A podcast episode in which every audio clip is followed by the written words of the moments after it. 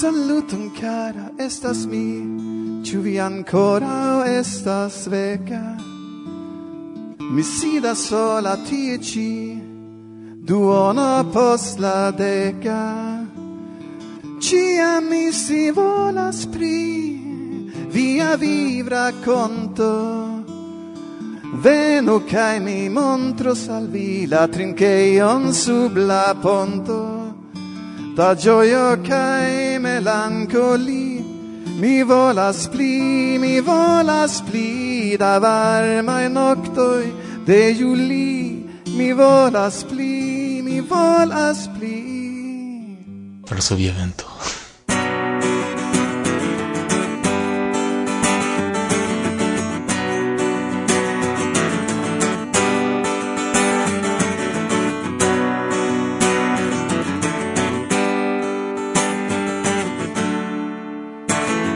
Rebecca logis en la suda urbo part Si occupigis pri musico cae pri art. Cae si ec mem Cia la coro cris mal bon malbonfart Rebecca havis ke amikojn ĉie ajn. Kvankam ŝi sciis ke rilatoj estas ŝajn nenia iam restas Kaj la rezulto estas nur malgain. Sed en la sonĝoj ŝi ŝvebis super strato kaj tegment. Jes en la sonĝoj ŝi dancis Martin dum festo kaj Martin dum Marcones. Du bravaj koncertoj sin sinsekve kaj baldaŭ ankaŭ apero de absolute nova kodo, pri kio de Martin vi excios detale en la venonta elsendo. Saluton karaj. Saluton. Saluton post la kutima somera pauzo. Pauzo fakte iom pli longa pro dum somera abunda son raporto pri festo. Kiu aperis en tempo dum kiam teorie ni ripozis. Do ni bezonis ancora iom pli ripozi. Sed eh, anstataŭ la elsendoj aperis en la reto kelkaj muzikaj videoj registritaj dum festo. Kaj unu el arcones. Giuste. Inter tiui du eventoi do hodiau ni estos. Sed ne nur. Agnieszka ancora racontos pri sia visito en Japanio. Accordigu do viain oreloin al Varsovia vento por exci pri la novaj ideoi teme de la IOKO, de la UKO kai de la nova UEA strategio. Apud tio ni rencontigios kun Capriol kai rememoros kio okazis dum la antau jubilea Arcones. Kion kun gvidos mi? Martusia, Goszka, Rude kaj Kasia. Kasia el Bialistoko, kiu decidis studi en Varsovio kaj ĉe okazo de la translokiĝo plene aliĝis al nia redakcio. Do? Bonan... Eh, Auskultadon. Bla, bla, bla, bla, bla, bla, bla, bla, bla. Kaj en la sonjo, si danzas, dancas senpeza en la y es en la sonjo Ci ŝvebas super strato kaj tegmen. Jes en la sonjo Ci ŝvebas super strato kaj tegmen. Jes en la sonĝo. Ŝi dancas kun peso en la vento jes en la sonjo Šī super strato kaj tegment Yes, en la sonjo Ŝi dancis kun senpezo en la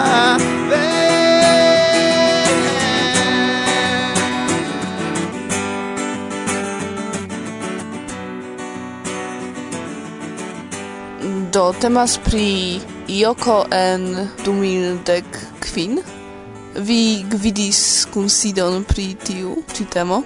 Kion vi povas diri pri planoj? Kiam okazos? Kie okazos?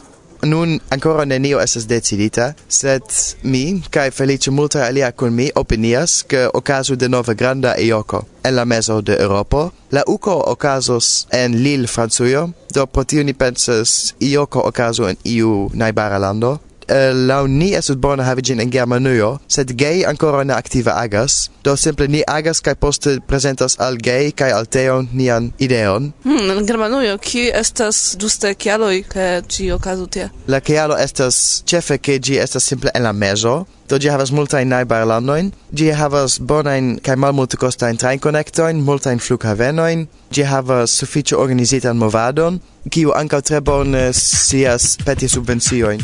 Diru mi nun, ĉu vi fartas feliĉe? Penso pri la situacio estas timinde. Nun estas la tempo, menaca nia vendron, pui lian emon, pro nia venko. Diru mi nun, ĉu vi fartas feliĉe? Penso pri la situacio estas timinde. Nun estas la tempo, menaca nia vendron, pui lian emon. Ĉu jam estas volontuloj kiuj pretas helpi kun tiu? Do hiero eh, ni havis tion kunsidon, venis dudek homoj, krome estas kelkaj homoj kiuj ne ĉeestis, sed kiuj ankaŭ tre interesiĝas pri la temo, do mi povus diri ke nun, do el tio dudek homoj kaj la aliaj, estas ĉirkaŭ dek homoj kiuj pretas tuj dediĉi tempon al tio kaj zorgi ke baldaŭ ni havos ĉion pretan por prezenti tion al Teo. Kaj kiam vi fin decidos kio okazos, Joko? Do ni jam havas la lokon fakte, tio estas unu el la gravaj aferoj pri kiuj ni parolis hieraŭ. Do la loco estas en la sudo de Germanujo, la urbo Freiburg.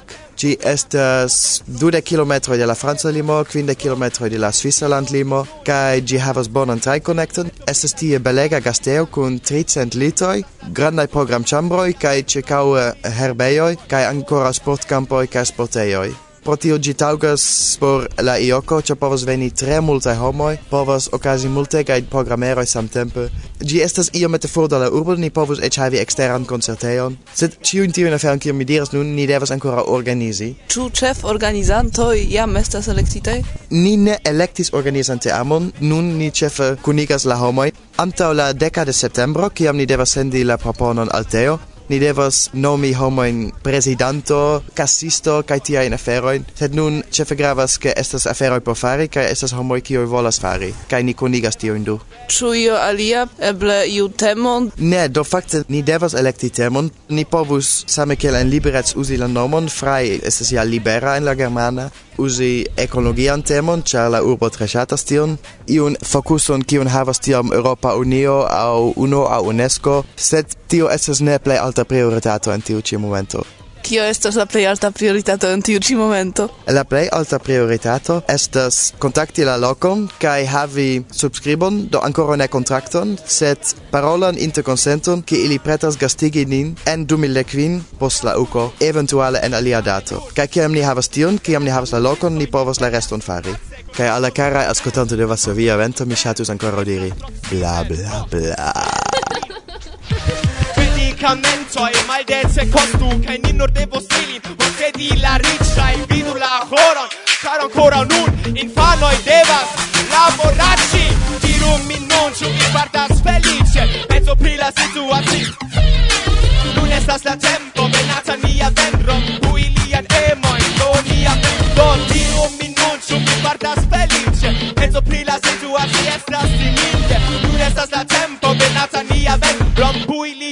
temoi pro nia benco.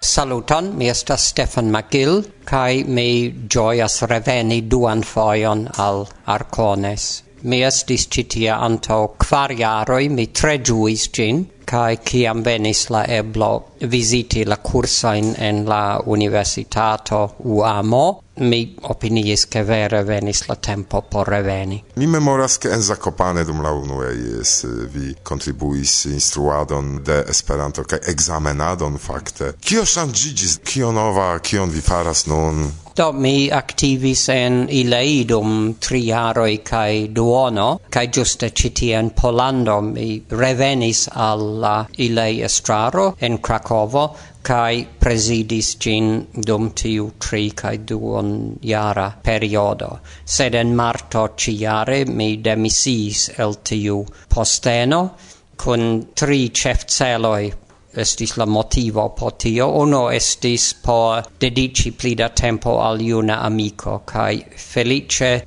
non mi povas imagi che gia estonto havas bonain perspectiva ni giuste citie dum Arcones cae dum la universitatae tagoi havis tre utilain discutoin con quelcae el la cunlaborantoi cae aliai, cae ni imagas che mi povos retirigi el la redaccio, mi restos contribuanto al uno rubrico, sed mi ne plu havos la redaccian devon, cia mi havas simple troda aliai devoi la plei grava el tiui, compreneble, estas che mi farigis estrarano cae vice-presidanto ce UEA kaj vi povas imagi che tio estas multe plei ol plentempa occupo, al devus esti kaj mi devas dedici mian tempon al tio.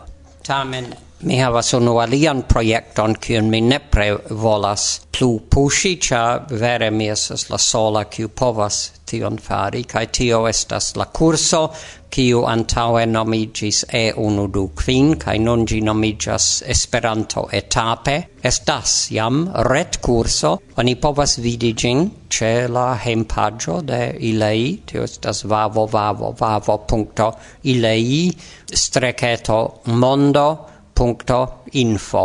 Kai tie eblas vidi la unuajn dek etapoin de tiu kai lasta tempe pro bona ideo kiu venis al ni ni ŝanĝis la pretig manieron tiel ke gi estu anco spectebla rigardebla en post telefonoi kai similai porteblai comunikiloi kai ni pluiros laŭ tiu formato kai adaptos la existantan materialon tiel ke estu praktika kurso kiun eldonos ilei kai kiun UEA jam nun subtenas kai subtenos. Do tiu restas pomi grava afero, sed UEA devas farigi mia cefa prioritato, kai junan amikon do compreneble mi eh, engagios min gis tiu punto che mi vidas che la transiro al nova redaktoro kai alia teamo funkcias. La teamo estas fakte gran parte la sama sed ni estas survoje havi novan redaktoron ke la revuo plu iru kai plu vivu char fisica presita revuo po comenzantoi kai lernantoi estas simple ege ege grava bezono kai ni devas defendi niain atingajoin. retejo de juna amiko tu existas? mm, ekzistetas kaj tio estas unu el la taskoj kiun ni devas prizorgi Gi existis en la biblioteco ce lernunet, sed kiel vi eble sias lernunet estas nun transformata, kai ni devos vidi kiom restas el tiu materialo. Kai mi citie en Arcones havis terure interessain discutoin con plei plei diversai homoi pri novai technicae ebloi, sugestoi cion uea devus fari. Mi provis noti, ausculti cion, ec calcain alla proponoi miam comunicis alla aliai estraranoi, dum mi ancora comprenas mia inscribitai notoin, cae ni giuste volas ausculti la homoin, capti bonain ideoin, ne lasi ilin forflossi, sed ciam venas bona ideo, oni devas vere capti gin cae strebi realigi gin.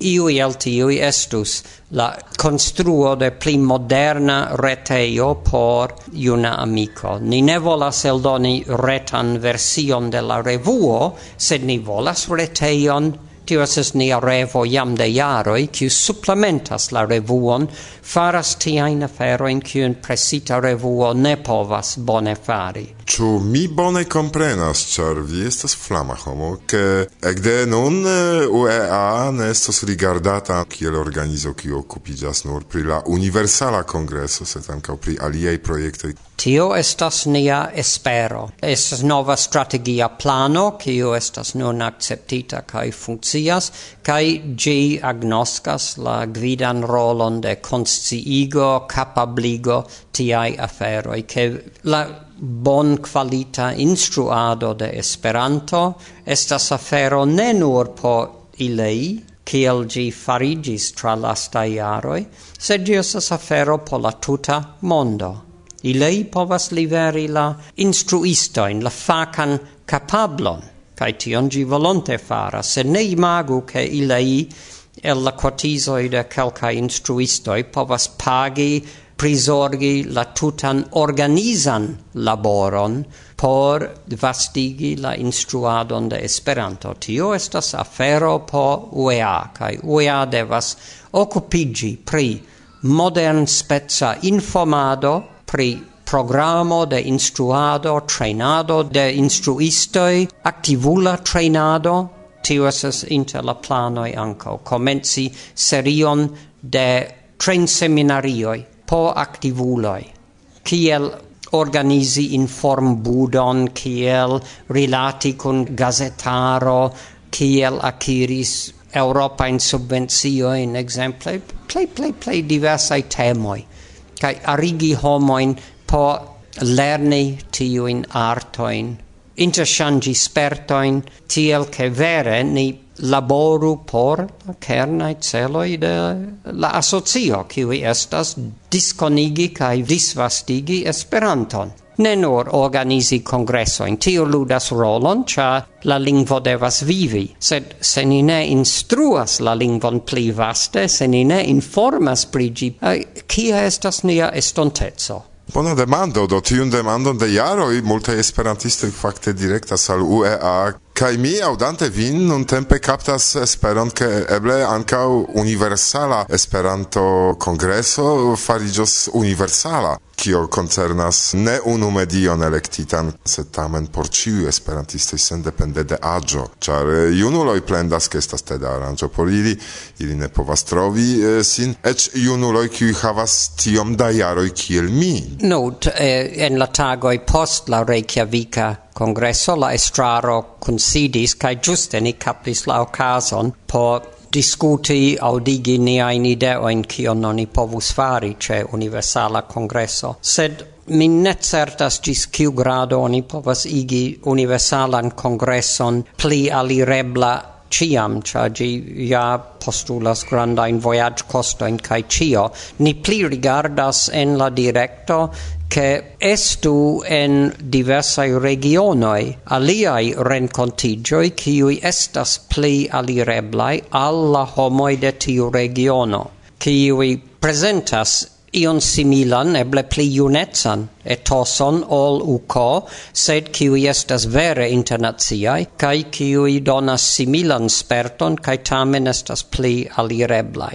Evidente ni clu construos la universala in congresso in ili ludos ege gravan rolon, sed ili ne ne predevas esti la plena offerto, kai giuste in tiai directo ni pensas, mi povas flustri che mi tamen plei honeste juas pli citiuin plei etain rencontigioin ol la UCO, sed tie in UCO ocasas gravae discutoi de comitato cae la instanzoi cae cio, do oni devas havi tion, cae tiu structuro ne povas esti sen fine shangita por prisorgi cies desiroin so ciui terenoi, cae tion oni pli bone faru per serio da arangioi, ca eble UEA enplectos sin en la organizado de iui el tiui, cun labore, cun regionae commissionoi iotia.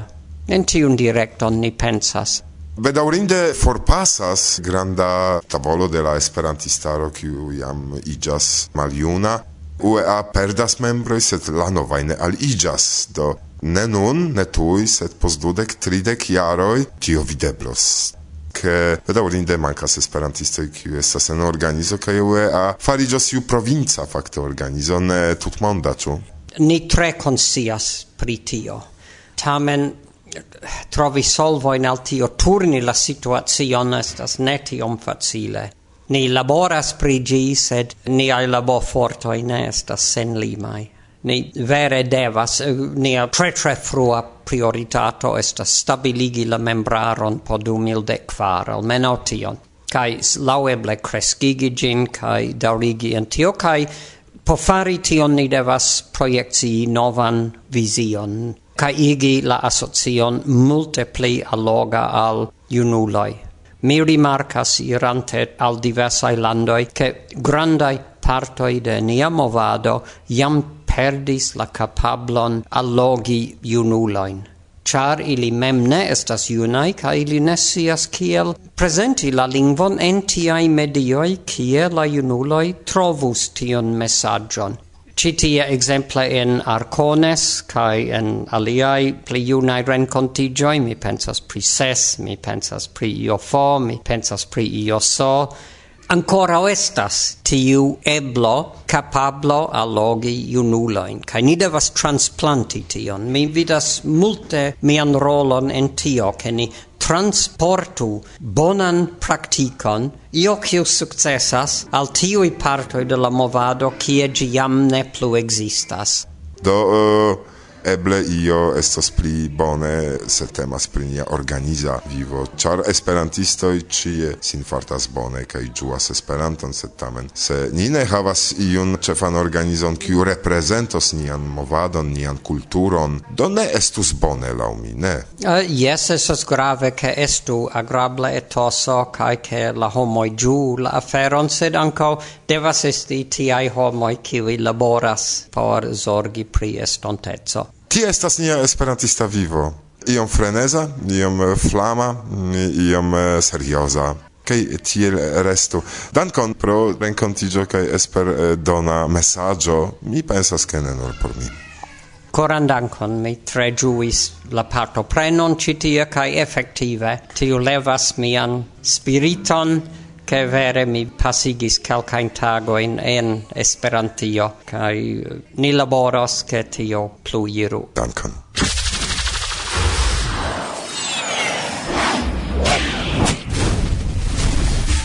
Passo via vento, ten teren teren ten, ten teren teren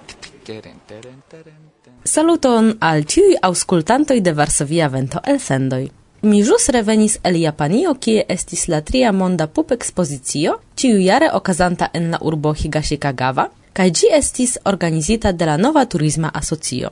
Nuntempe estas pli ol okcent pupoj venintaj el kvardek kvarlandoj. La kolekton oni faris danke al esperantistoj tra la mondo, homoj el la plej variaj devenoj: advokatoj, pastroj, kantistoj, politikistoj, kotopo. Ciare la expozicio estis dedicita al Pollando, char tie nascigis la kreinto de Esperanto, lingvo pere de kiu la kolekto estis farita.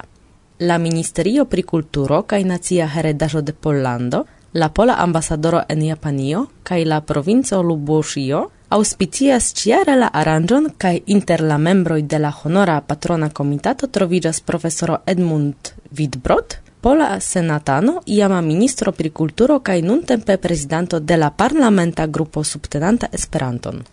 Mi estis en tiu ekspozicio kiel pola ambasadoro de pup ekspozicio, reprezentanto de Pollando.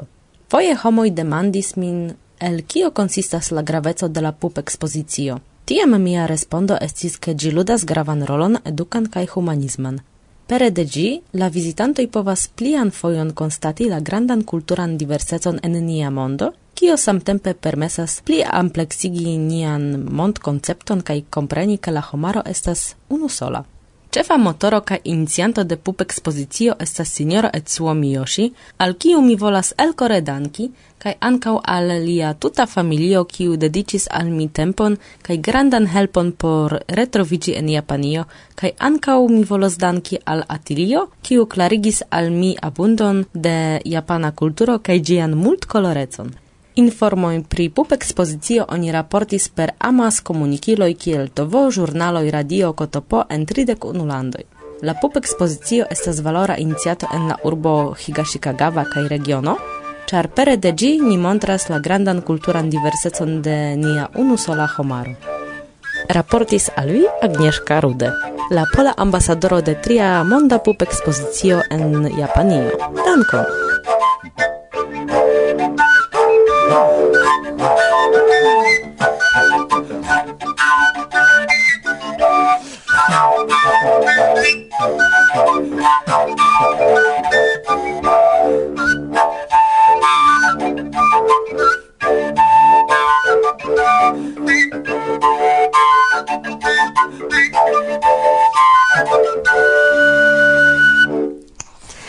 Intereso karaj ke mi prenis tion de iu kodo disco, ne? Estis vive registrita muziko ĉi tie ĉe la tablo, kaj ankaŭ mi estas surprizita je la sono. Kio estas tio? Estas selje flöte, Kai estas instrumento de Skandinavio. Normale estas farita de basto, sed ni uh, ja marita detruis nia elektrikan sistemon por fari povot so uh, fluto kai mi uh, faris la lavabo varianto. Kai at faris la basso de la necessei povot so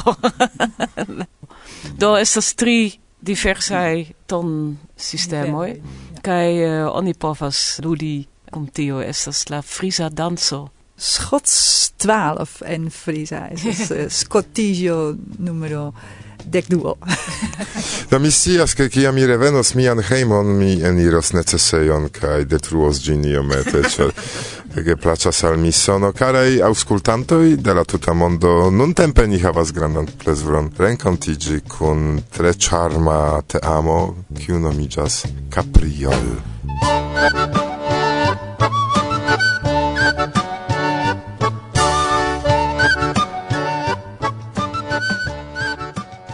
mi estas Marita Kruiswijk. Marianne Nesse estas mia nomo. Rutger Dijkstra mi estas Ad Bos. Kaj mi estas Irek kaj ni babilas dum festo.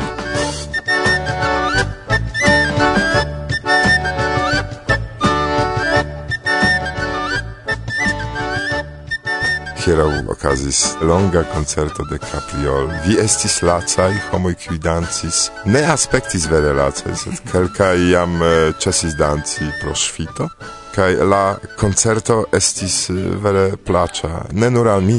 Do la unua intervjuo kun Capriol se vi ne aŭskultis serĉu en la arkivejo. Non eble ni parolo pri tio, kio okazis laste en via vivo, pri viaj planoj, porque tiu qui jam exatis vin sciu kio estas nun kun Capriol. Ja, mi povas rakonti pri kion ni faris post nia lasta intervjuo estis en Arcones, kai mi pensas ke poste ni havis tiun turneon tra Francio, kai organizis Flo Motorel. Li estas tre aktiva persona en Esperanto muzikmondo.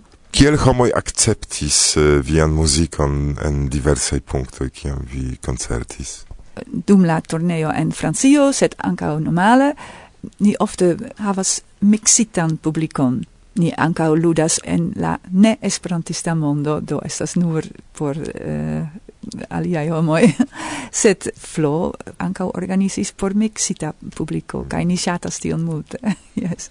El tiu Franza turneo, do poste ni parolas pri aliai, kiun concerton vi plei memoras, kiu estis plei impresa? Ja, mi pensas estis la festo en set, estis congresso tiu, tiu ne, cae estis granda salono cun multae danzantoi, estis necredeble. Do ni salutas la partoprenantojn, se ili memoras tiun concerton ca ili estis en la publico danzanta ca poste post la turneo franca. Ja, ja, la turneo estis dum unu monato, estis tre longa anca en Bretanio ni estis ca poste Mi memoras ni estis en la novjaro rencontigio en Bitburgo, estis en Germanio anca bela festo por la germanaj esperantistoi kai anca en Germanio ni estis en Hameln tia estas anca tre aktiva persono Heinz Prick de la Radkaptista uh, klubo estis tre interesa kai ja ni ankaŭ havis belan uh, koncerton tie kun danci ankaŭ. To estas eh, belaj rememoroj mi vidas, ke vi koncertis kaj turneis kaj vere kun flama en okulo rakontas pri tio ne kiel pli laboro. A ah, mi devis denove koncerti kaj mi lacas a turneo tro da koncerto. Kaj e, poste kio okazis Francio turneo Noro noviara renkontiĝo. Kaj hamelen kaj Ancao estas mar festivalo, estas mar bordo de Bretonia. Sed in Bretonio la tradizio de la balfolk dansoi estas tre viva. Do ni ludis tie kun mar cantoi, sed tui kiam ni ludis dans melodion, oni capablis dansi la balfolca in dansoin. Multaid personoi dansis sulla strato, eh? Ja, ja. En, en la... Yes, estis ancao tre tre bona memoro. Danzu da danzu, ĝoje Esperanto, fati da ti da da ti da da da. Danzu da kanto, ĝoje Esperanto, fati da ti da da ti da da da. Sempre che danzi esos mult valore, gai di festu, ĝis malfumore, fati da ti da da ti da da da. Fati da ti da da ti da da da. La tempo ŝajnas flugi tro rapide, do fine patita ti dai da ti dai da dai dai patita ti dai da ti dai danko Danko Danko danko. Parola Stefan Makil Non tempe vi ascoltas radion Varsovia Vento.